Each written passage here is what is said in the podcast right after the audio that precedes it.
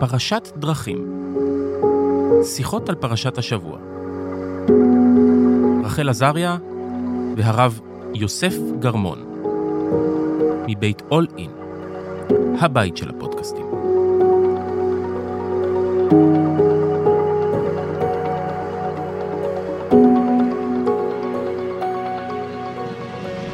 שלום לכולם, אנחנו בפודקאסט פרשת דרכים על פרשת השבוע. אה, השבוע יש לנו אה, פרשה מאוד דרמטית, פרשת ויגש, תכף נדבר עליה. שלום לרב יוסף גרמון, שאתה עדיין פה. כן, עדיין, ושעון החול הולך ואוזל. לא, זה אנחנו לא נדבר על זה עכשיו. אה, כן, ואנחנו מאוד מאוד שמחים שאתה פה, אה, ואנחנו גם, אה, זו הזדמנות אה, להזמין אתכם לקבוצת הפייסבוק שלנו, שאנחנו רוצים להתניע אותה. אה, וככה שנוכל להמשיך את הדיונים וגם לשמוע אתכם, לא רק אנחנו ככה דנים בינינו, אבל תמיד זה מסקרן אה, איפה זה פוגש אתכם ו- ואתכן ומה אתם חושבים. והיום אנחנו נעשה בפורמט טיפה אחר, ואנחנו, כל אחד מאיתנו בחר פסוק שהוא מאוד מאוד אוהב, אה, משהו ככה שתופס, ו- ו- ובואו נדבר. אתה רוצה להתחיל, הרב גרמן? טוב, האמת הפסוק פסוק מאוד יפה, שגם מדבר על מישהו עם השם שלי. הוא אומר ככה, ועתה אל תעצבו ואל יכחר בעיניכם, כי מכרתם אותי הנה, כי למחיה שלחני אלוהים לפניכם. זה פסוק מדהים, כי דמייני את יוסף אחרי 13 שנה בכלא, האחים שלו עשו לו את כל הרע הזה, כן, אנחנו מדברים על חטופים, מדברים על זה 13 שנה במצרים, לא בבית מלון הישראלי. והוא פוגש את האחים, והאינסטינקט הטבעי זה לנקום, להתעצבן לפחות, לצעוק, לא יודע מה לעשות. ומה הוא אומר להם? אל תהיו עצובים. אל תהיו עצובים, והוא ממסגר את הכל מחדש. אני קורא לזה אפקט הרופא שיניים. כי רופא שיניים זה, הוא עושה לנו כואב, הוא מעביר את החור בשן לחור בכיס, ולא רק זה, אנחנו אוהבים אותו אחר כך. למה? כי אנחנו יודעים שזה לטובה, שזה ימנע מאיתנו כאב, וזה מה שיוסף מלמד אותנו. כל הרע הזה שחוויתי, הנה, עכשיו אני יכול להיות פה במעמד שאני יכול לתת אוכל לכולם. זה מדהים, זה מדהים, כי הוא עושה עבודה כזאת, הוא, הוא, הוא באמת מסגר את הכל למקום מאוד חיובי, זה הפסיכולוגיה החיובית בהתחלה שלה. אתה יודע, זה, אמ, זה מתחבר לי מאוד לשיחות אה, שיש לי בימים האחרונים. אמ, אני, אה, אחד הדברים שמאוד חזקים אצלי זה שאני, זה קצת מוזר לספר את זה, אבל אה, אני מאוד, אני, אני בדרך כלל יודעת מה הולך לקרות, לא כי אני, יש לי איזה חושים על טבעיים, אלא אני כאילו מאוד יודעת אה, לנתח את המציאות וכאילו לראות, לראות איך הדברים הולכים להתפתח, בסדר? בחברה הישראלית, ב... בס, ב, כאילו ב, ב, בסוציולוגיה העולמית או, או במדע המדינה, כאילו, זה כאילו דברים שנורא ברורים לי. אנשים שמכירים אותי יודעים, כאילו אומרים, כאילו, מה, כאילו, מה אני רואה, ואני כאילו מבינה משהו, ו... ובזמן האחרון שמתי לב שאני לא מצליחה לראות כלום, אני לא מצליחה להבין כלום, אני לא מצליחה כאילו ל, ל, לפענח מה הולך להיות העתיד. והגעתי למסקנה שהסיבה שאני לא מצליחה, זה לא כי אני באמת לא מצליחה, אלא כי פשוט כל מה שאני רואה הולך להיות רע. רגע, חכה. חכה עם האופטימיות שנייה. קשה, קשה. כן. לא, אתה יודע, כי זה קטע. תיאוריית הכאוס תרתי משהו. אני, אני חשבתי הרבה על, על הדינמיקה בינינו, כי אנחנו כידוע, אנחנו לא מכירים. אנחנו בעצם עכשיו מכירים תוך כדי שאנחנו, שאתם מכירים אותנו, שאנחנו מכירים אתכם, שאנחנו פה נכון. בפרשת דרכים, ו, ואני בן אדם מאוד אופטימי. אפילו כאילו, אפילו אנשים צוחקים עליי על האופטימיות לפני המלחמה, כאילו באופן כללי בחיים שלי. ראיתי את זה בפרהסיה. כן, אני אדם מאוד אופטימי, כן, כן, כן. כשעשיתי בפייסבוק, אני אדם מאוד אופטימי. אני חושבת שאנחנו פשוט ברגעים ש, שבסוף יהיה טוב, אבל בסוף הולך לקחת הרבה זמן, והבנתי שאני פשוט אמ, אמ, כאילו לא רוצה לי, לראות מה הולך לקרות, כי אני מבינה שזה הולך להיות קשה לא לראות, זה תמיד צריך להיות, כאילו אני לא, אני לא מרשה לעצמי לחשוב יותר מדי ולפענח את השלבים הבאים, כי זה נורא נורא מפחיד אותי. אמ, אבל אני כן רוצה לומר שברגע ששחררתי ואמרתי לעצמי, אוקיי, גם, גם אם את מבינה שהולך להיות נורא קשה להרבה זמן, בואי כן תסתכלי על זה, כי אני חושבת שכן יש גם מקומות אופטימיים. Uh, המקומות האופטימיים, אגב, שאני רואה, זה כן בדור הבא. אני חושבת שהולך להיות קשה גם מבחינת מעמד נשים, וגם מבחינת הביטחון של ישראל, כאילו זה שני אזורים והמקום של ישראל בעולם, אבל במובן הזה הדור הצעיר בישראל, הנשים הצעירות הן הרבה יותר קשוחות, כאילו בדרישה שלהן לזכויות, שזה תמיד מדהים אותנו, אנשים קצת יותר, כאילו, הבנות שלי, בנות 20 ו-16, ושמעת את השיחה רגע לפני Mhm. שנכנסנו, אמ, אז אנחנו מאוד, אה, אני, אני רואה אותן, הם במקום אחר, הם הרבה יותר אה, מובן להם מאליו שלנשים צריכות להיות זכויות, ברור, אבל אה, מה שאנחנו לקחנו הרבה זמן, כאילו להיות באנרגיה הזאת, וגם... וגם בכל העניין הביטחוני והפנים-ישראלי, אני, אני מאוד מאוד מקווה, ואני חושבת שזה מקום שצריך להסתכל ולהתבונן בו, שהדור הבא כן מצליח לעשות משהו אחרת. אמ, אז זהו, אבל אה, אני מזדהה מאוד עם ה... כאילו, אני, אני קוראת את... אני מזדהה עם האהבה שלך לפסוק הזה, אני, אני קוראת אותו ואני אומרת, הלוואי על כולנו, כאילו, להיות מסוגלים, כאילו, לחוות דברים כל כך קשים ולראות את המקומות הטובים, ולא לכעוס על השנים שהוא איבד ועל השנים שהוא איבד עם אבא שלו, ו... אבל אה, יפה. זה קשה, זה קשה. כן, פסוק יפה מאוד. אז אני החלטתי אה, ללכת על, ה, על הקלאסי, למרות שיש די הרבה פסוקים מהממים, אבל על ה"ויגש אליו יהודה". זה פשוט כמו, הרי אמרנו, הפרקים האלה מאורגנים כמו, אה, כמו פרקים בנטפליקס, כאילו כמו שעושים היום, נכון? כן, שה- סדרה. כן, שהיום, איך מארגנים את הסדרות? פעם כל פרק היה סוגר, וכאילו בפרק הבא ראית את הדבר הבא, נכון? את כאילו את, ה, את האירוע הבא. ועכשיו עושים את זה הפוך, תמיד, סוף הפרק הוא תמיד בשיא המתח. כן.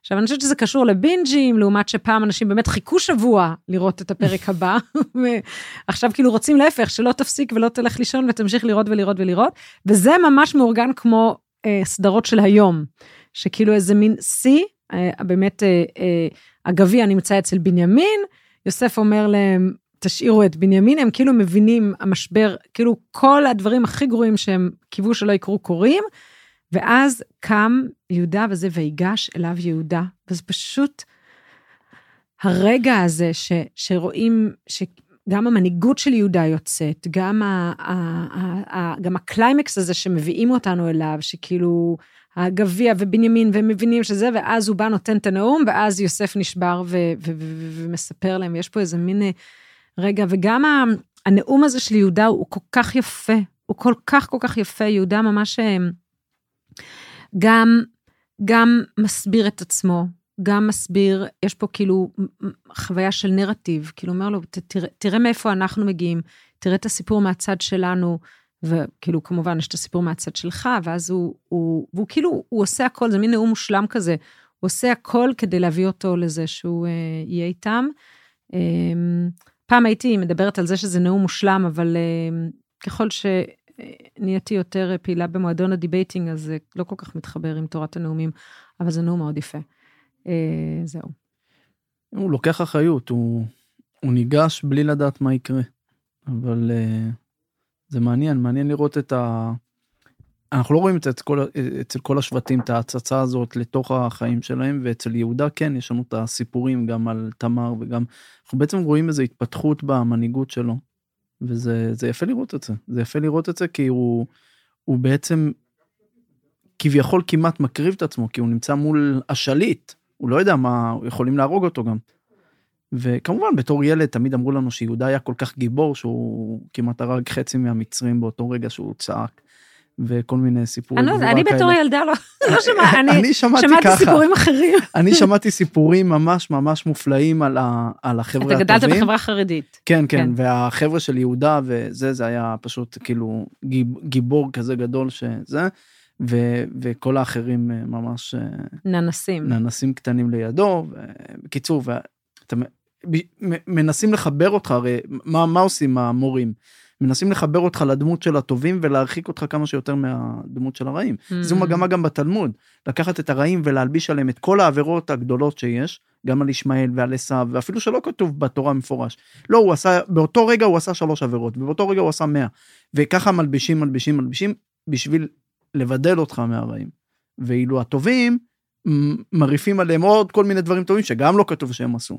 כן, דוד לא באמת חטא. ועוד הרבה יותר מזה. אגב, סתם בדוד הלא חטא הזה, תמיד אני נתקע, וכאילו, כל האומר דוד חטא אינו אלא טועה. כן. הרי הוא כן חטא, הוא בעצמו אמר חטאתי. ברור. אבל נראה לי שהרעיון שם אחר, וזה אולי קשור לפסוק שעוד בחרתי. כי בעצם אומרים, ל, אומרים לנו, מי שרואה את דוד המלך ורואה את כל הדברים הטובים שהוא עשה ונתקל ומדבר רק על הרע שהוא עשה, אז הוא טועה. הוא לא טועה בזה שדוד חטא או לא חטא, הוא טועה בהסתכלות שלו. מה אתה מסתכל רק על הדברים הרעים שהוא עשה? הוא עשה מיליון דברים טובים. בדבר אחד הוא טעה, ואתה, איך אתה מסכם את דוד? טעה. אז זה, זה הטעות. ל, ל, ל, להתמקד רק בחטא, זה בדיוק הפוך מה, מהאפקט של הרופא שיניים שדיברתי עליו מקודם.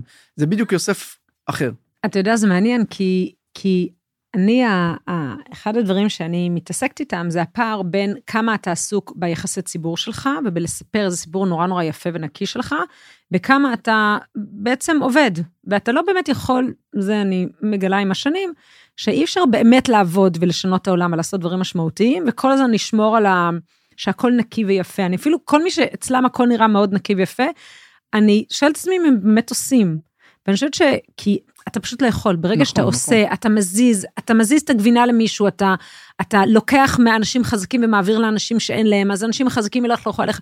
כאילו זה, החוויה הפוליטית שלי, ודאי, זה מאוד מאוד ודאי. חזק. ו, ואני חושבת שהעניין הזה, נראה לי שזה פחות או יותר, זה מתחבר למה שאתה אומר, שברגע שאתה עושה, את תמיד, ו, ועושה דברים משמעותיים, ודוד עושה המון דברים משמעותיים, כמובן החטא שלו הוא היום הנורא ומזעזע. ברגע שאתה עושה הרבה דברים משמעותיים, אז יהיו גם דברים לא טובים שאתה תעשה. אין בעיה, אבל אנחנו לא, רגע, וזה, בסדר, אז, ו, וזה מתחבר לזה. כן. שזה, זה לא בדיוק מי שלא עושה לא טועה, אבל זה, זה מתחבר לזה שבסוף אנחנו צריכים להיות מסוגלים לראות תמונה מורכבת, כי מה קורה היום נגיד? היום כל מנהיג שעשה משהו שאתה לא יותר, זהו אני מאוכזב. עכשיו מה אתה מאוכזב? עשה אלף דברים לא טובים. דבר אחד לא טוב, בסדר, עשה דבר אחד לא טוב, נקסט. כאילו, בואו, ואני חושבת שזה חלק גם אפרופו התיקון שדיברנו עליו, אני מאוד מקווה שזה תיקון שהחברה הישראלית תעבור, באופן שבו אנחנו תופסים את המנהיגים שלנו, להיות מסוגלים לראות אנשים בצורה הוליסטית ו- ומורכבת, ולא אתה כאילו, או שאתה המנהיג המושלם, שאז בדרך כלל אומר שאתה לא עושה כלום, אתה סתם מושך זמן, כי אחרת נכון. בטוח מישהו היה מטנף אליך והיו כועסים עליך על משהו והיית טועה במשהו. ו...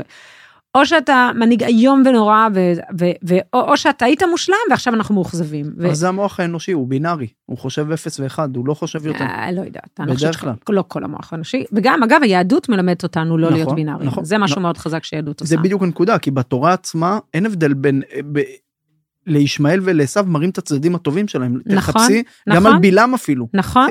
מישהו מחפש שבלעם עשה משהו, ההפך, הוא אמר, אלוקים, מה שאתה אומר אני עושה, אתה רוצה שאני אחזור, אני אחזור, אתה רוצה שאני... הם כולם דמויות מורכבות. ועל הטובים, וגם הטובים, מראים לנו דברים רעים שהם עשו. ברור, כולם. אז התורה בדיוק הפוך. כאילו, נכון. כאילו, מראה שהטובים לא כל כך טובים והרעים לא כל כך רעים, בעצם, כמו שאת אומרת. העולם הוא מורכב. העולם הוא מורכב. אז הלוואי. תקשיב, אם בסוף הזה כולנו נגלה שהעולם מורכב, וואו, זה, זה באמת יהיה תיקון, זה, זה באמת יהיה תיקון. גדול, בגלל שהשאיפה שלנו לראות רק מושלמים גורמת לנו בסוף לראות את כולם רע.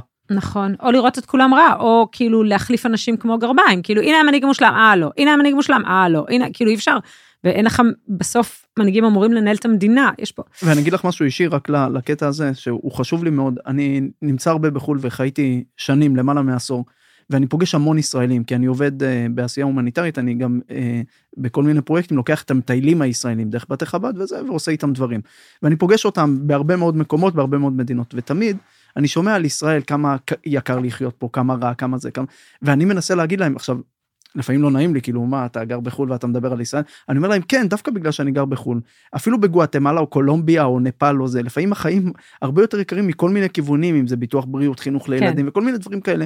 ותראו כמה דברים טובים יש ב- בישראל, אבל השאיפה שלנו שאנחנו רוצים שהארץ שלנו תהיה מושלמת, והיא לא תמיד כזאת, אבל יש בה כל כך הרבה דברים טובים, באמת, באמת. טובה הארץ מאוד מאוד. להחזיק, כן, אני, אני מאוד, אני חושבת שיש לנו ארץ נהדרת, אה, קשה. ואנשים נהדרים. אנשים מדהימים, כן, טוב, זה אנחנו מאוד מאוד מרגישים עכשיו. אה, אצל החיילים זה היה פשוט מדהים כל השבוע הזה לראות, באמת, באמת, איזה איכות של צעירים יש לנו. כן. זה... צריך לדבר פעם על איך אנחנו סתם מתנסים על הצעירים, אף אחד לא מבינה את זה, תמיד התנסו עלינו, אנחנו זה כאילו, לא, בסדר, לא, זה מדהים, סתם, מדהים מיותר. לראות את זה. טוב, בוא נדבר קצת על יהודה, בסדר? זה כאילו הרגע, השיא הדרמה של יהודה. אמ, ו, ונדבר עליו בהקשר של מנהיגות. יש, אנחנו גם בפרשות האחרונות ראינו כמה הזדמנויות, ש, שיש כמה דמויות, אה, דיברנו על זה סביב המכירה של אה, יוסף, נכון? שכאילו, יש שני אנשים שהם כאילו יכולים להיות מנהיגים, אוקיי? אחד זה ראובן, והשני זה יהודה, ובעצם עוד מנהיג נולד לנו פה, למרות שהוא כבר חלם שהוא הולך להיות מנהיג בהתחלה, שזה יוסף. יש לנו בעצם שלוש דמויות של מנהיגים. אמ, ו- ויש כמה דברים מעניינים שקורים בתוך התהליך. ראינו כבר אז במכירה שראובן הוא מבין שיש לו אחריות, אבל הוא לא מעז להיות המנהיג, והוא לא מעז ממש להתעמת, והוא לא עושה את מה שהוא צריך. אמ, ויהודה, ו, וראובן, באמת, הוא, הוא בסופו של דבר לא נהיה מנהיג. יש עוד כמה רגעים בדרך. אה, גם האופן שבו הוא פונה לאבא שלו ואומר לו, אם אני לא אצליח להחזיר את בנימין, אז תהרוג את הילדים שלי. וכאילו, אבא שלו אומר לעצמו, מה, מה, מה זה יעזור לי? מה זה יעזור לי? ויש עוד רגע מאוד מעניין, וזה אה, שראובן אה, שוכב עם השפחות של אבא שלו. ואני חושבת שאלה בעצם, אלה שלושת הרגעים שכל אחד מהם נבחן לאורם. ראובן, יהודה ויוסף. בואו נראה עם יהודה. יהודה, ברגע המכירה, הוא כן, הוא, הוא מצליח באופן חלקי, לא ממש, אבל הוא כן אחר כך עושה את כל המהלך הזה של ה... אמ, של ה... עם הכותונת, והוא בא ואומר, הכר, אומר לאבא שלו, תכיר, זה של הבן שלך, זה של, אה, זה של יוסף, אה, ואז יש... באותה מילה השתמשה גם תמר אחר כך. בדיוק. ואז יש את הסיפור של תמר.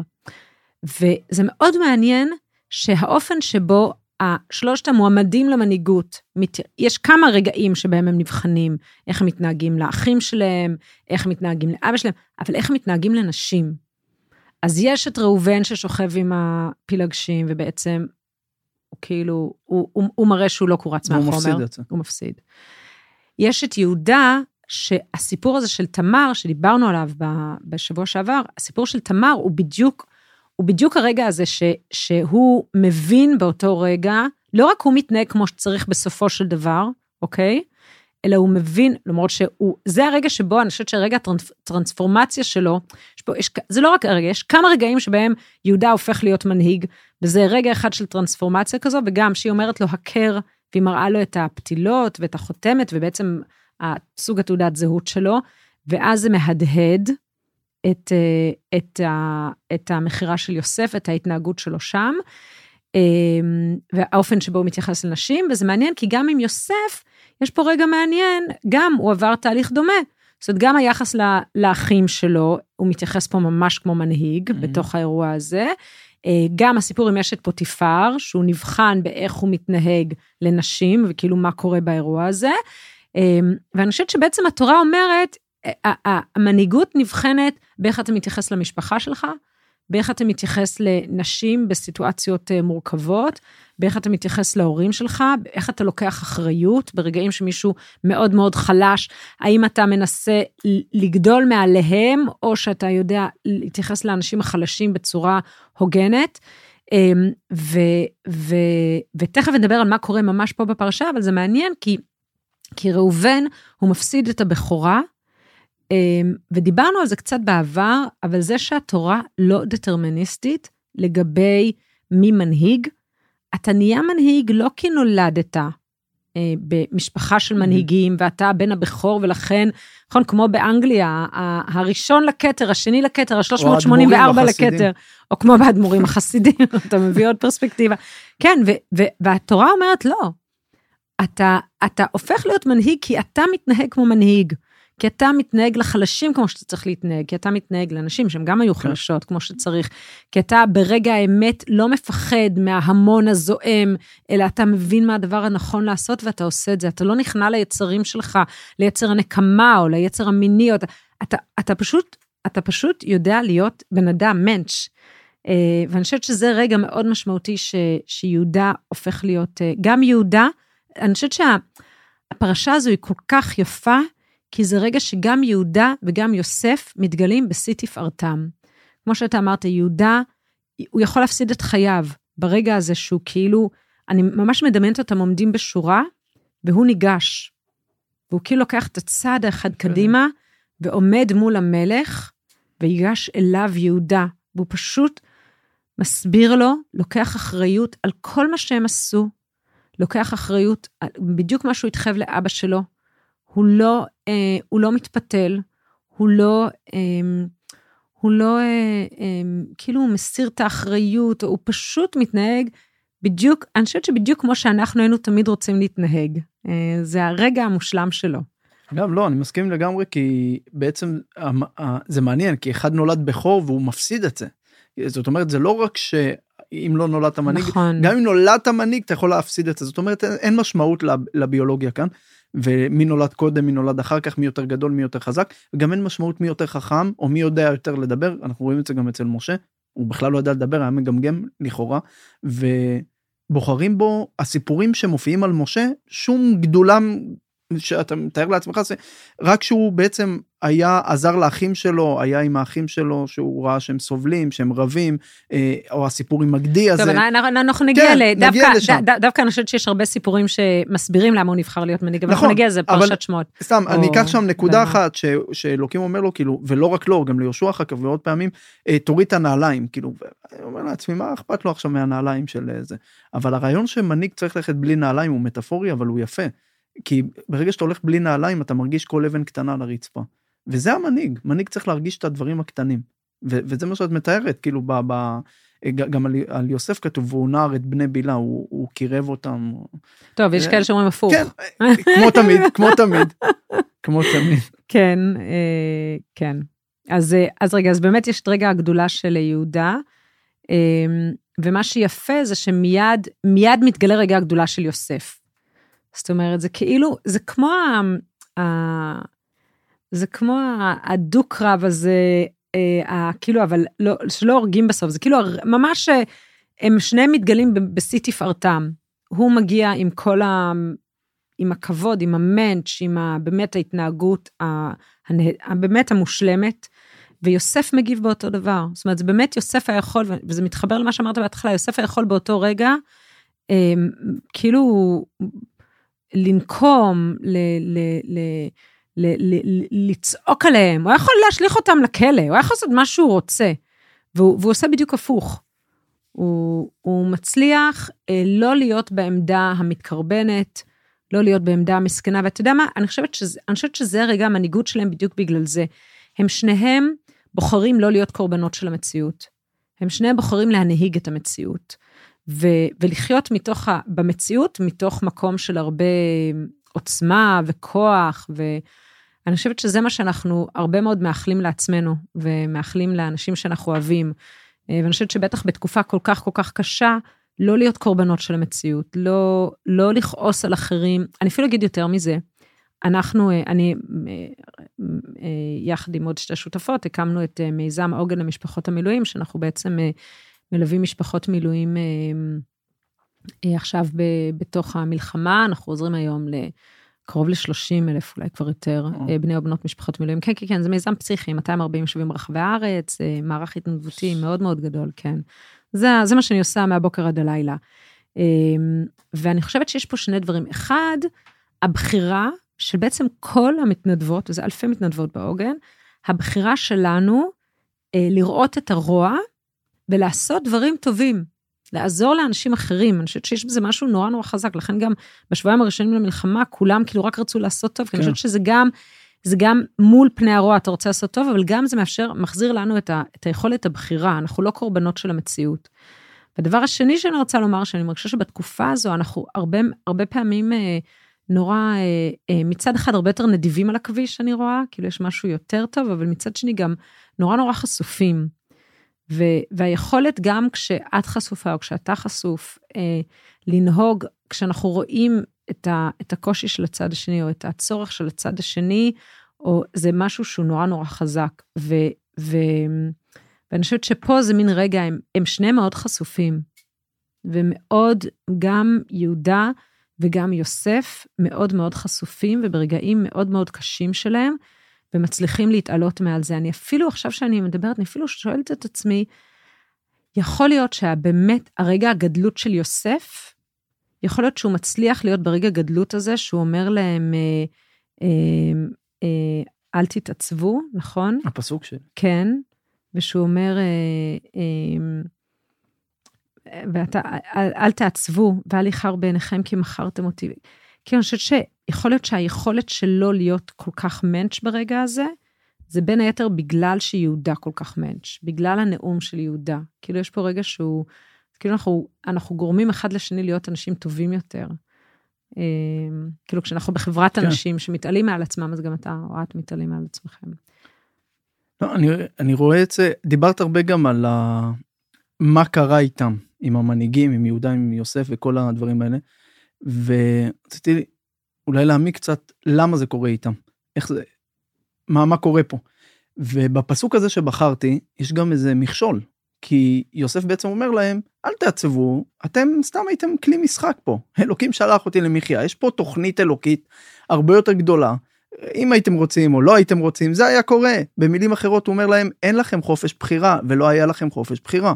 זה מה שקרה וזה מה שאמור לקרות, ואלוקים פה אה, השתמש בכם ככלי לתוכנית יותר גדולה. זה מה שהוא אומר להם במילים אחרות. לא, אני... אנחנו יכולים להתנגד, אבל זה מה שהוא לא, אומר להם. לא, אני לא, אני לא מסכימה, אני מרגישה, אני לפחות ככה אני רואה את זה, אתה כאילו, אני מרגישה שכאילו כשאתה אומר את זה ככה, אתה כאילו מקטין אותם כזה, ואתה אומר...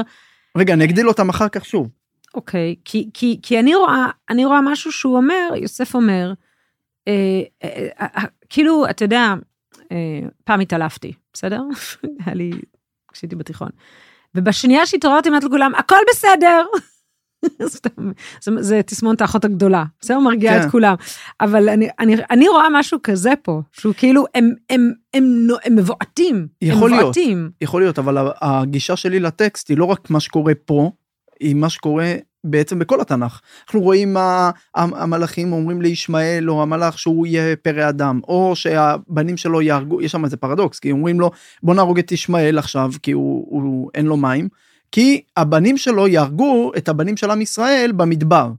רגע, אם נהרוג אותו, אז הבנים שלו כבר לא יהרגו את עם ישראל במדבר, אז למה אתה הורג אותו? יש פה איזה, אה, אה, אה איזה מלכוד 22 אה, ישן כזה.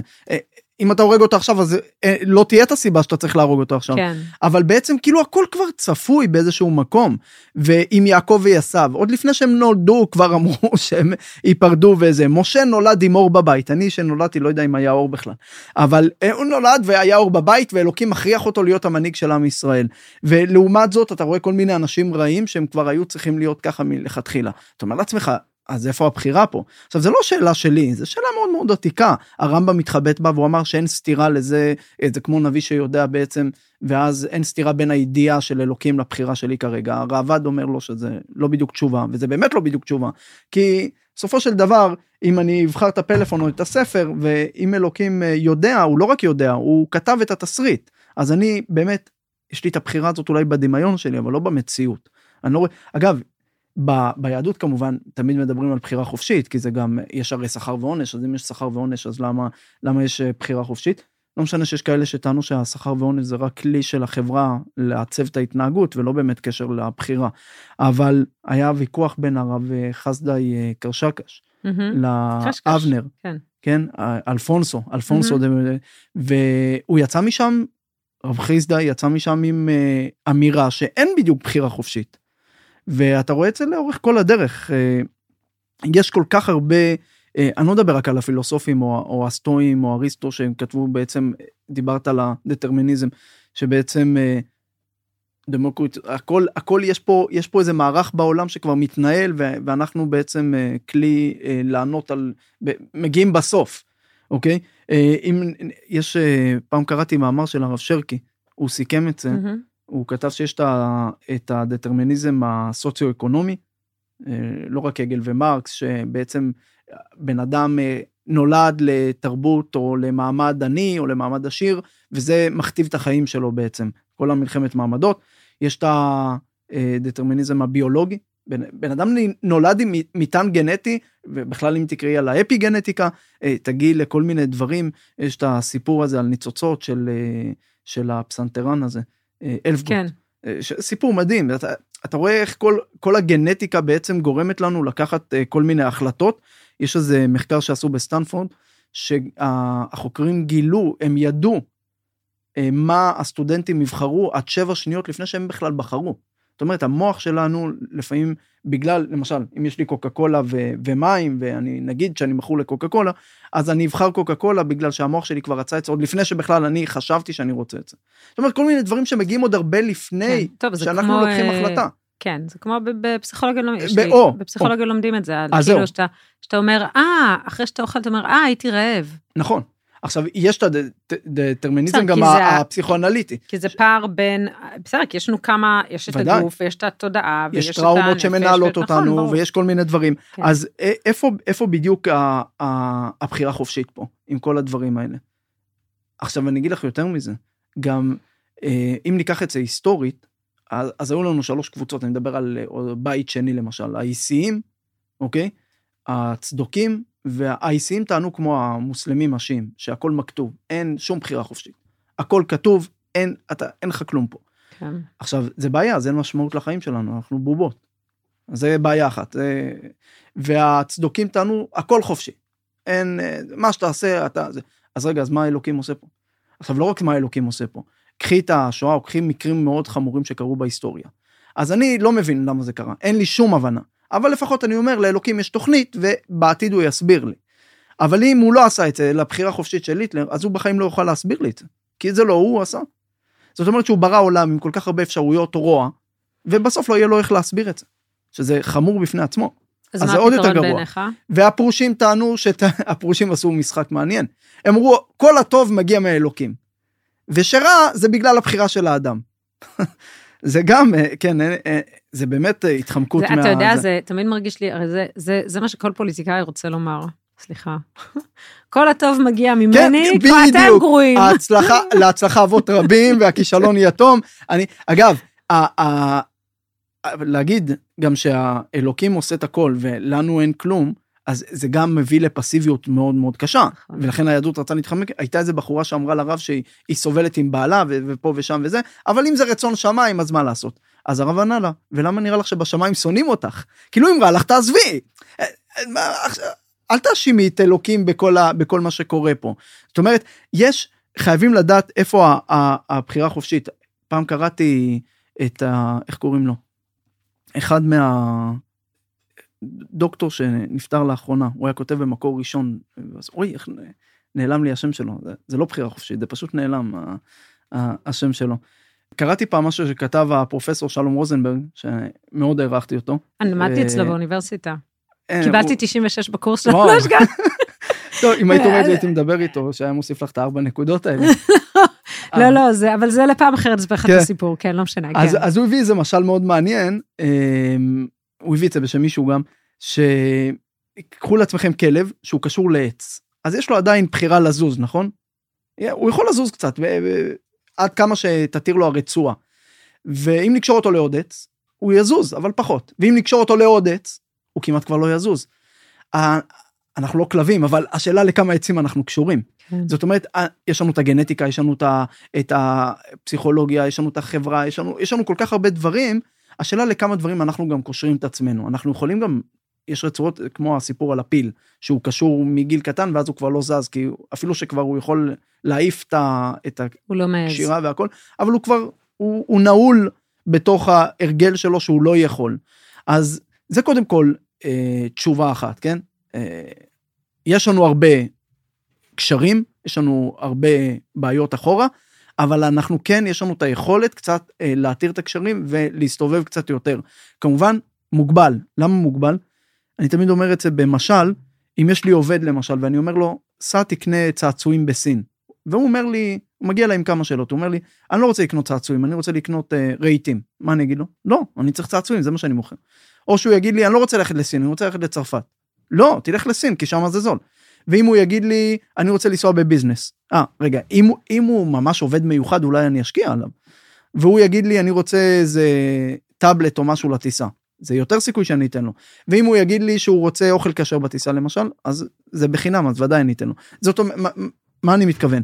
יש את היעד שלנו שאנחנו תמיד, אין לנו בו בחירה חופשית כל כך. אנחנו נגיע לשם, נרצה או לא נרצה. אלוקים יש לו תוכנית מסוימת, ולא כל אחד עם בחירה חופשית יכול להזיז לו את התוכנית. כי בסופו של דבר, אם זה ככה, בסוף התוכנית לא תגיע לשום מקום. אבל בדרך לתוכנית, יש לנו הרבה בחירה. זאת אומרת, איך להגיע לשם. אני צריך להגיע לירושלים. אתה תגיע לירושלים, אבל אתה יכול להגיע בהליקופטר, אתה יכול להגיע ב... ברכב, אתה יכול להגיע במונית, באוטובוס, ברגל, על סוס, אתה יכול להגיע רטוב, אתה יכול להגיע עייף, אתה יכול להגיע רעב, אתה יכול להגיע שמח, אתה יכול להגיע עצוב. זאת אומרת, יש לך כל כך הרבה דרכים להגיע ליעד שלך, שם הבחירה החופשית שלנו הרבה יותר גדולה. וביעד כמעט היא לא קיימת. אז יש פסוק מאוד מעניין בתורה, כתוב, אחרי כל הקללות, כתוב, תחת אשר לא עבדת את השם אלוקיך בשמחה. לא בגלל שלא קיימת את המצוות, יש דברים שגם שלום רוזנברג כתב, אחד שהגיע למסקנה שאין אלוקים. אלוקים לא, לא יכעס עליו, הוא כתב. השאלה אם הוא היה עצוב שאין אלוקים, או היה שמח שאין אלוקים. על זה אלוקים יכול לשפוט אותו. איך, איך הרגשת ברגע שהגעת למסקנה שאין אלוקים? אתה יודע שבכלל אה, אה, היהדות, אה, כשהייתי חברת כנסת, אז שאלו את כל החברי כנסת אם הם מאמינים באלוהים. כזה בארץ, עשו לי יום לא כיפור או משהו. הוא יהודי, מי הוא אלוקים. לא, כן, אם אתה מאמין. ו, ואני ככה התעכבתי עם התשובה, כי, ובסוף עניתי תשובה שלדעתי, אתה יודע, כאילו, היה כתוב כמין תשובה לא ברורה. היהדות לא מצפה מאיתנו להאמין, היא מצפה מאיתנו לאהוב. שזה אנחנו- כולל. כן, אבל לא העניין לאהוב הוא לא שלא קיים. אמונה. כן, אבל כאילו בנצרות ובדתות אחרות מצפים ממך להאמין. כן. זה כאילו העניין, האם אתה מאמין? היהדות פחות מדברת אל השכל שלנו, היא לא אומרת תאמין. היא אומרת, אתה צריך לאהוב. כן, ואהבת. בין- כן, נכון. והעניין הרגשי, זה, זה, זה, זה מתחבר למה שאתה אומר, שבעצם לא האם הגעת לדרך, אלא האם עשית את זה בשמחה, האם אתה עושה את זה מאהבה. אנחנו כאילו אמורים לחיות מתוך אהבה, גם ביהדות, גם את המשפחה שלנו, וזה זה בעיניי מתחבר למה שאמרנו על המבחני, המבחני מנהיגות שראובן, יהודה ויוסף עוברים, וזה מבחני מנהיגות של איך אתה, איך אתה, האם, האם אתה חי מתוך אהבה, האם אתה חי מתוך כעס, האם אתה חי מתוך שנאה, האם אתה חי מתוך נקמה. בעצם היהדות אומרת, אנחנו צריכים כבני אדם טובים, בטח כמנהיגים, אבל גם בכלל לחיות מתוך אהבה. אני חייבת לומר שזה, אני, אני, אנחנו מדברים על זה וזה זה קשה, כי אנחנו בתקופה שבה, אמ, אפילו עוד לפני המלחמה, כאילו הנחת העבודה היא שאנחנו, מי שחי מתוך אהבה ומי ש... זה כאילו פראיירים, אתה אמור, אה, להפך, אתה אמור לדאוג לעצמך, אתה אמור להיות קשוח, אתה אמור... אל תחיה בנדיבות, אתה תחיה בנדיבות, תיקחו ולא בכך ייתנו לך בחזרה, וכל הזמן אה, מדברים על זה, אנשים טובים צריכים ללמוד לסמ, לסמן גבולות, ולא לתת יותר מדי, ולא... ובעצם היהדות אומרת דברים אחרים. אה, אני חושבת שזה מין פער שהוא...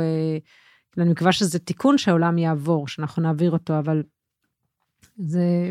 זה מאוד נכון, כי האלוקי, היהדות תמיד אה, מדמה את האמונה, את היהדות לנישואים. גם, גם בנישואים, אני לא מתחתן עם אשתי כי מדעית הוכח לי שזו האישה.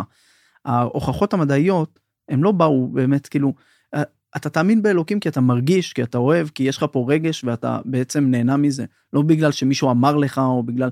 אגב, זה ההבדל בין האורתודוקסיה לאורתופרקסיה. האורתודוקסיה בעצם זה מילה מה... שהגיעה מהנצרות הקתולית, שבעצם דגש יותר על האמונה, במה אתה מאמין. ביהדות זה לא קיים. אגב, דיברת על פוליטיקאים, יש איזה פוליטיקאי שכתבו עליו שהוא לא מאמין באלוקים, אבל הוא בטוח שאלוקים שלח אותו. אני לא יודעת מי אתה מדבר, אבל אני יכולה לדמיין כל מיני כן, כאלה. כן. יש אחד לא, כזה ש... כי, אבל תקשיב, אבל, זה בדיוק העניין. כשאתה מאמין באל, או כשאתה אוהב אל, אתה בעצם שם מעליך גבול. ואנחנו נכון. נדבר על זה כשנגיע לפרקים, על המלך וכולי, אה, על איך היהדות מתייחסת למנהיגים ולמלוכה. ו, וזה בדיוק זה, כשיש מישהו אחר שהוא מעליך, אז אתה כבשר ודם יודע שיש לך גבולות, ואני חושבת שזה מאוד מאוד חשוב כשאנשים צוברים כוח. מה שאתה אומר, המשפט הזה שהוא לא מאמין, אבל בטוח שהוא, זה בדיוק זה. כשאתה לא מאמין, וכשאתה לא חושב שיש, אה, אני לא חושבת שזו הדרך היחידה לרסן את עצמך, אבל אני חושבת שיהדות נותנת לך כלים מאוד מאוד טובים כדי לרסן את עצמך ולזכור את מגבלות הכוח, ולזכור את המגבלות שלך כבן אדם, ולזכור שאתה לא יכול להיות, אה, אתה לא לבד בעולם, אתה חלק ממרקם גדול יותר. מצד אחד, מצד שני, יש את הסרט בוס הגדול מכולם, או את הספר של הרב אה, קפלן, אם הייתי אלוקים, או משהו כזה, שאם היה לו את הכוח של אלוקים לשבוע, למשל, בסרט או בזה, אז הוא מגיע שם לאיזה מסקנה שהכוח לשנות זה מה שהוא רוצה. ו- וזה הכוח של אלוקים שהוא גם קיים באדם, שהאלוקים נתן נכון. באדם. אה, דיברנו על זה הרבה, כן. הלשנות. זאת אומרת, יש בחירה חופשית, אין בחירה חופשית. אה, אל תתפלסף עכשיו על כל הדברים האלה, יש רע, אל תגיד עכשיו כמו הצדוקים או הפרושים או האיסים, פשוט אה, תנסה לשנות אותו, תתקן. תתקן אותו, זה התפקיד בגלל שלנו. שזה זה התפקיד שלנו, ואז יש כאלה שהם אתאיסטים כי הם כועסים על אלוקים. אז במקום לכעוס עליו, יש איזה סיפור ידוע על הבן אדם שהוא הוא עבר לאיזה עיר אחרת, והוא רצה לשים את הבן שלו ב... הוא היה אתאיסט גדול וזה, יהודי. אבל הוא, הוא לא רצה לשלוח את הילד שלו לבית ספר יהודי, כי הכניסו לו עכשיו חנוכה וכל מיני דברים ופורים ומלא דברים, אז הוא אמר, שמה לא. הפאבליק סקול היה ברמה מאוד נמוכה, אז הוא גם לא, אז הוא שלח אותו לבית ספר הקתולי, שזה מה שהיה לו. ואז הילד שלו חוזר והוא אומר לו, אבא, היום למדנו על השילוש הקדוש. אז זה, ופה ושם, אז האבא אומר לו, תשמע, תשמע, יש דבר אחד שאתה חייב לדעת, יש רק אלוקים אחד ואנחנו לא מאמינים בו. אז, אז יש את, ה, את החלק הזה שבסופו של דבר, אה, בבחירה חופשית, בסתירה בין ידיעה לבחירה, אפשר להגיע לאחדות הניגודים של הרב קוק, שזה בעצם משולש עגול, שאפשר גם ככה וגם ככה, יש מלא פילוסופיות שאפשר להגיע אליהן, אבל אם נוריד את כל הדברים האלה, בסופו של דבר, זה ההסתכלות שאני יכול לשנות, ההסתכלות על מה שקורה לי, כמו יוסף בפסוק הזה, שהוא בעצם ממסגר את הכל לטובה, ואז הוא בעצם משנה את כל התמונה. כי בעצם, אם הוא היה רב עם האחים שלו, ומנסה לנקום בהם, יכול, היה יכול להתפתח שם אה, מסע של הרג ומלחמת אחים. זה גם יכול לקרות. הוא ממש, זה, זה הרגע שיוסף מתגלה ב, ממש בשיא תפארתו. נכון, אבל הוא משנה את התמונה ואת ההיסטוריה, ואנחנו אוכלים מצות היום בגלל זה. ואם לא, יכול להיות שלא יודע מה היינו עושים.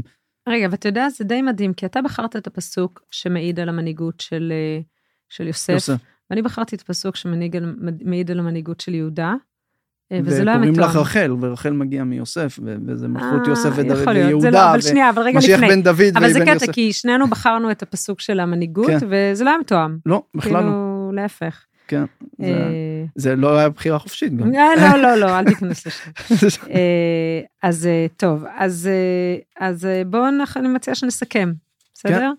כן. כן, שקענו. אז פרשת ויגש, באמת דיברנו גם על המנהיגות, גם, קודם כל, פר, פר, פרשה פשוט מהממת, פשוט סיפור נפלא.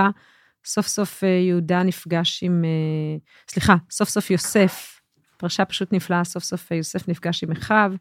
ואנחנו מגלים הרבה על המנהיגות שלהם אה, ועל המערכות יחסים שלהם. אה, אז אה, עד כאן פרשת ויגש, הפרשה הבאה הולכת לסכם לנו את ספר בראשית, והרבה מחשבות על המקום של כל בעצם בני ישראל שעכשיו ממשיכים. אז תודה רבה שהייתם איתנו, תודה לך, הרב גרמון, כמו תמיד היה ממש כיף. ותעקבו אחרינו גם תבחרו, בפייסבוק. תבחרו ב... כן. בפודקאסט הזה. תבחרו, בחירה חופשית, תבחרו להאזין לפודקאסט תמיד. אין לכם ברירה אחרת. אין לכם ברירה, כן. לא, יש לכם ברירה, אבל אנחנו בטוחים שגם מתוך הברירה אתם כזה. תבחרו בזה. אז uh, תודה רבה שהייתם איתנו, ופרשת